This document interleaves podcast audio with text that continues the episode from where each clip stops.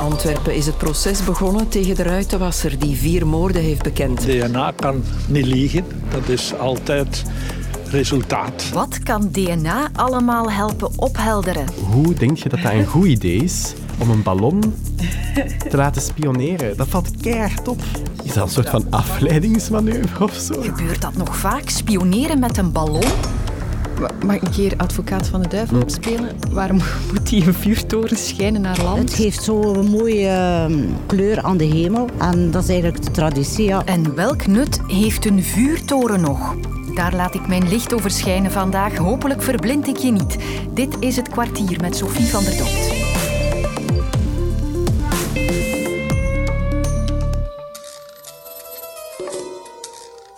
Zou het kunnen dat jouw vriendelijke nieuwe buurman misschien toch een duistere kant heeft? En weet je wel zeker dat de loodgieter die morgen langskomt te vertrouwen is?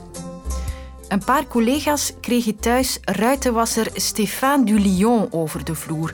Dat hij vier moorden op zijn geweten had, was toen nog zijn goed bewaarde geheim. Dat was eigenlijk onze vaste ruitenwasser gedurende een aantal jaren. Ik heb die bij mij thuis binnengehaald. Ik heb daar ladders mee naar buiten gedragen. Ik heb daar koffie mee gedronken. Ik ben ontzettend geschrokken toen ik de berichten in de media las en hoorde over zijn ware aard, want hij leek eigenlijk een hele vriendelijke, joviale, sympathieke man.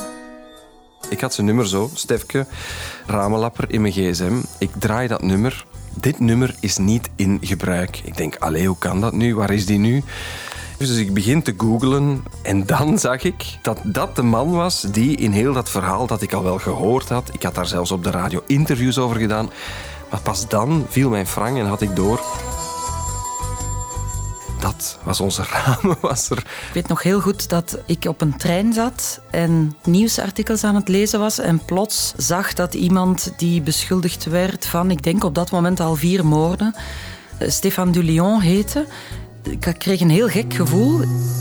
Ik ken die naam, dat zegt mij iets. Maar dan denk je al die stomme interviews met buren van moordenaars die het zo'n vriendelijke man of vrouw vonden. Ja, dat is gewoon hetzelfde. Het stond dus duidelijk niet op zijn gezicht te lezen, maar DNA deed hem uiteindelijk de das om. En vandaag staat de ruitenwasser van Griet en Dennis voor assise. En het zou best kunnen dat nog meer moordenaars en verkrachters tegen de lamp gaan lopen, want... Binnenkort kunnen speurders bij een gerechtelijk onderzoek ook gebruik maken van erfelijk materiaal van familieleden van verdachten. De federale ministerraad heeft daarvoor een voorstel goedgekeurd van minister van Justitie van Quickenborne. En dat wetsvoorstel doet iemands hart sneller slaan heel spannend, moet ik zeggen. Ik vind het heel tof dat uiteindelijk dat kantelpunt eraan zit te komen. Want moeten we inbeelden, acht jaar daarover zitten zagen en dan plots is het daar toch. Dus ik ben heel, uh, heel blij wel. Sophie Klaarhout hoor je, dokter in de forensische genetica. En ze zaagt dus al jaren om meer te kunnen doen met de schat aan informatie in ons DNA. Want dichte, maar ook verre familie kan je op het spoor van een dader brengen. Ja, DNA wordt eigenlijk doorgegeven van ouders op kind. Je hebt dus 50% van je DNA gelijk aan dat van je ouders. Waardoor dat we eigenlijk al met hoge zekerheid kunnen zien van oké, dit is bijvoorbeeld de vader van de dader. Maar um, met een klein deeltje in het mannelijk DNA, het Y-chromosoom, kunnen we zelf heel wat verder gaan. Dus dat Y-chromosoom, dat is het enige stukje in het mannelijk DNA dat eigenlijk van vader op zoon bijna volledig wordt overgeërfd. En dat voor generaties lang. Kan ook zelf naar achterneven, achter, achter, achterneven, tot, tot in de 40ste graad gaan. Eh, waardoor dat we eigenlijk nu, met de kennis van vandaag, met 100% zekerheid kunnen eh, definiëren of iemand de verre, verre achterneef is van de dader. Om zo eigenlijk via die persoon toch nog te weten te komen wie de misdaad gepleegd heeft. Want vandaag, eh, met de oude DNA-wet van 1999, kan dat vandaag niet, waardoor dat zo'n zaak eigenlijk een cold case wordt. Als dit voorstel overal groen licht krijgt, dus zijn er voor u ineens veel meer mogelijkheden. Ja, exact, exact. Dat is echt het verre verwantschapsonderzoek waar ik eigenlijk al een heel eindje voor pleit. Puur omdat onze noorderburen dat wel al uh, sinds 2012 gelegaliseerd hebben. En ik gebruik dus mijn tools al in Nederland om hen uh, te helpen bij de cold cases. En ik zat een beetje vast in België, omdat we nog aan de oude DNA-wet uh, vasthangen. Dus als we alleen nog maar kijken naar onze noorderburen, dan zie je echt een heel grote succeskans van zo'n familiaal zoekopdracht. Stel dat dan nog altijd vastloopt, dan gaan we eigenlijk over naar een grootschalig verwantschapsonderzoek in de buurt. Zoals dat bijvoorbeeld bij de cold case van Marianne Vaatstra in Nederland gebeurd is in 2012. Waarbij dan eigenlijk een grootschalige oproep gedaan werd om op zoek te gaan naar mannen rondom de crime scene om vrijwillig hun DNA, meer bepaald aan het Y-chromosoom, af te geven. En zo te zien of dat daar ergens een match is. En dat bleek enorm succesvol al in Nederland. Dus, um... Maar ja, hoe ver drijven we dit? Moet er voor het gemak van iedereen DNA in een databank? Sommige experten zeggen zeker ja, want dat zal alles vergemakkelijken. Maar ik zeg eigenlijk nee, dat hoeft niet, want we hebben al heel goede nationale DNA-databanken. Als we daar dan nog de Y-chromosoomprofielen van die daders en opslaan, dan hebben we eigenlijk al heel mooie poelen om in te zoeken om toekomstige misdrijven te kunnen oplossen. Heel erg uh, interessant. Veel succes met uw werk. Het zou heel veel werk kunnen worden dan misschien binnenkort. Het wordt druk, dat is waar.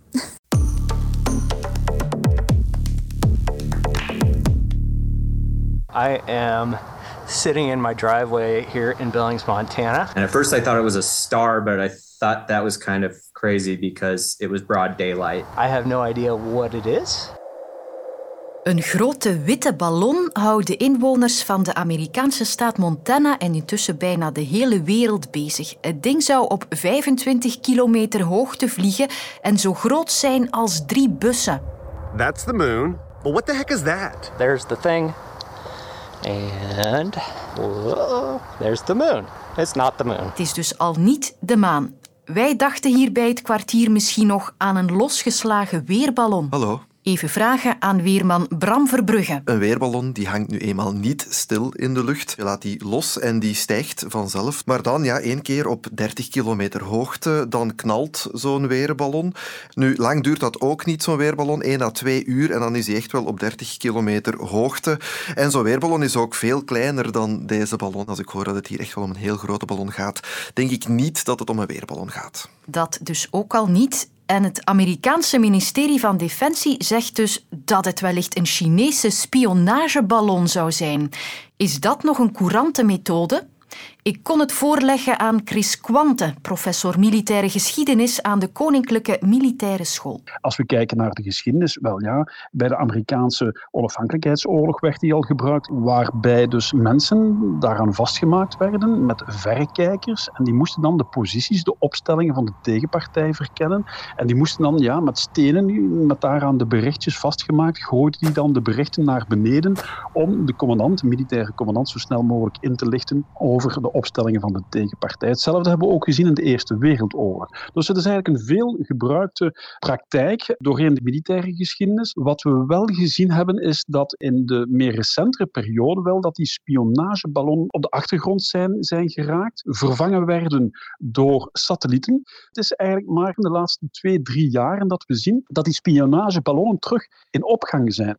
En, en dat is wel zeer merkwaardig, want uiteindelijk het gebruik van een spionageballon gaat eigenlijk in tegen het principe van de spionage. Breaking news: the U.S. tracking a suspected Chinese, Chinese spy balloon that's been flying at high altitude over the U.S. This is a picture of the balloon. Iedereen is daardoor geobsedeerd, waardoor je natuurlijk de vraag kan stellen naar de waarde van de verzamelde inlichtingen daardoor. Wat is uiteindelijk de bedoeling van de Chinezen, voor zover dat zij hier achter zouden zitten? Is het misschien ook niet gewoon een statement naar de Verenigde Staten van kijk, wij zijn in staat om boven jullie grondgebied dus ook spionageactiviteiten uit te voeren? What we saw was a flying saucer, no doubt about that. Dan zou dat toch wel heel straf zijn. What the heck is that? It's not the moon. Onze kennis over die mysterieuze ballon blijft dus beperkt. Maar China zou er dus achter zitten. Welke spionagetechnieken gebruiken zij? Dat kon knakjournalist Christophe Kleriks mij vertellen. Alle grote wereldmachten hebben natuurlijk geïnvesteerd hè, in het inlichtingenapparaat om hun belangen te verdedigen. Op dat vlak verschilt China niet van pakweg de Verenigde Staten uh, of een land als Rusland. China gebruikt nog, altijd de klassieke manieren, het recruteren van menselijke bronnen. En interessant is dan dat, uh, dat onze Belgische contraspionnen, die vorige week in de Senaat daarover vertelden. Ze zeiden van ja, als wij dan naar België toe gaan, die, die in contact staan met die Chinese spionnen, en we, we, we wijzen op de risico's, ja, dan geloven die Belgen dat bijna niet. Ze, ze, kunnen zich niet voorstellen dat hun goede vriend dat eigenlijk een spion is. Dus dat zegt iets over die subtiele manier van, van recruteren. Ook Chinese bedrijven kunnen soms wel uh, gebruikt worden of, of gedwongen worden om informatie te delen met de Chinese overheid tot 30, 40 jaar geleden uh, waren de uh, ICT-middelen nog niet zo wijd verbreid in de wereld. Hè. Wij gebruikten nog geen smartphones en, en het internet en ga zo maar door. Uh, dus dat is natuurlijk een dimensie die er is bijgekomen en waar China ook heel duidelijk actief is. Hè. Zowel via de klassieke manier, het recruteren van, van menselijke bronnen, als op cybervlak, hè, waarbij ja, toch geavanceerde operaties zijn opgezet die worden toebedicht aan China. Wat is er typisch aan Chinese spionage? Wel, zij nemen hun tijd. Ze gebruiken de tijd in hun voordeel. Het kan soms ja, echt jaren duren om iemand te recruteren. En dat is wat de kenners uh, zeggen dat typisch is voor China.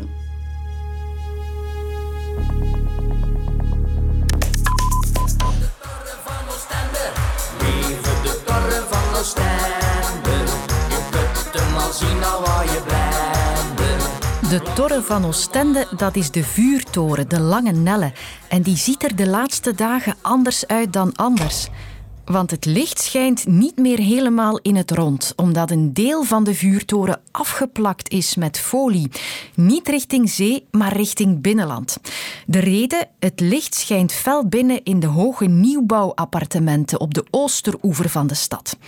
Vervelend. En dan leek die folie een goede oplossing voor de projectontwikkelaar. Maar veel Oostendenaren konden daar echt niet mee lachen. De vuurtoren staat er al veel langer dan die gebouwen. En ik vind dat die folie eraf moet. Je hebt hier gebouwd of je woont hier. Moet je rekening houden met de oude tradities. En pech voor die mensen die er wonen op 19e of zo. Dus die gaan we een andere oplossing zoeken. Hè. Zeker weten. En hun woorden vielen niet in Dovemans oren bij de minister van Erfgoed, Matthias Diependalen. De reacties hebben zeer duidelijk aangegeven dat het zeer gevoelig ligt bij de Oostendenaar. En inderdaad, dan vraag ik aan mijn agentschap om die beslissing terug te draaien. De beslissing is teruggedraaid en de folie verdwijnt. En ik begrijp die Oostendenaren ergens wel, want vuurtorens die spreken toch tot de verbeelding. Na lange dagen op zee, met water waar je ook kijkt, doemt daar plots iets op in het donker. Een baken van licht in de duistere baai die je veilig naar de kust brengt. Ik heb gevaren van 1986 tot 1992. Dat gevoel herkent oud-stuurman Emiel Broekaert. Ik heb veel gevaren en op veel plaatsen gevaren. Dus het gevoel van thuiskomen als je die vuurtoren van Oostende ziet. Dus uh, drie flesjes uh, om de 10 seconden dat is heel bekend bij de, de meeste lokale uh, zeelui, zou ik zeggen. Dus het gevoel van thuiskomen, dat is het eerste waar ik aan denk. Thuiskomen.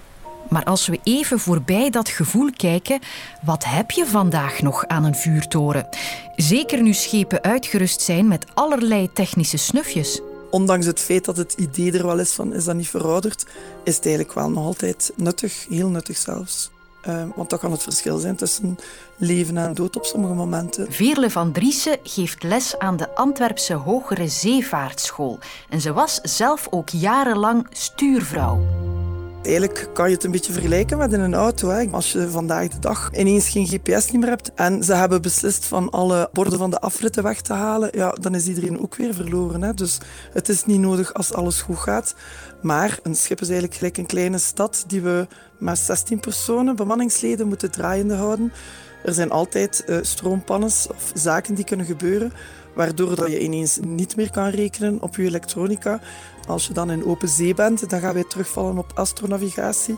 Dan gaan we ons oriënteren op uh, hemellichamen. En als dat dicht bij de kust is, dan kunnen we ons oriënteren op vuurtorens die we zien.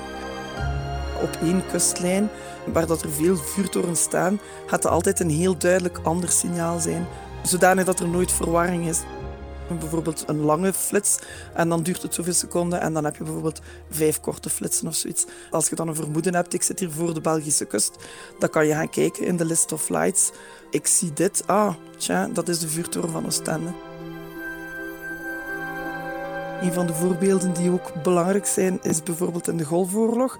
In de jaren 90 dan hebben de Amerikanen een fout gezet op hun GPS-signaal. Um, dat was een militair-tactisch um, mogelijkheid om de vijand in de war te brengen wat betreft een positie. Maar uh, personen die toen aan het varen waren op koopvaardijschepen, die hadden ook ineens door dat de GPS niet de juiste positie gaf. En op dat moment moesten wij ook overgaan naar andere middelen om ons plaatsbepaling te doen. Zo, tijd voor mij om even aan wal te gaan voor het weekend. Het kwartier is er maandag terug. Luister ook naar de podcast van de week, waarin Stijn van de Voorde zijn licht laat schijnen over het popnieuws samen met een bekende gast. Nu in de app van VRT Max.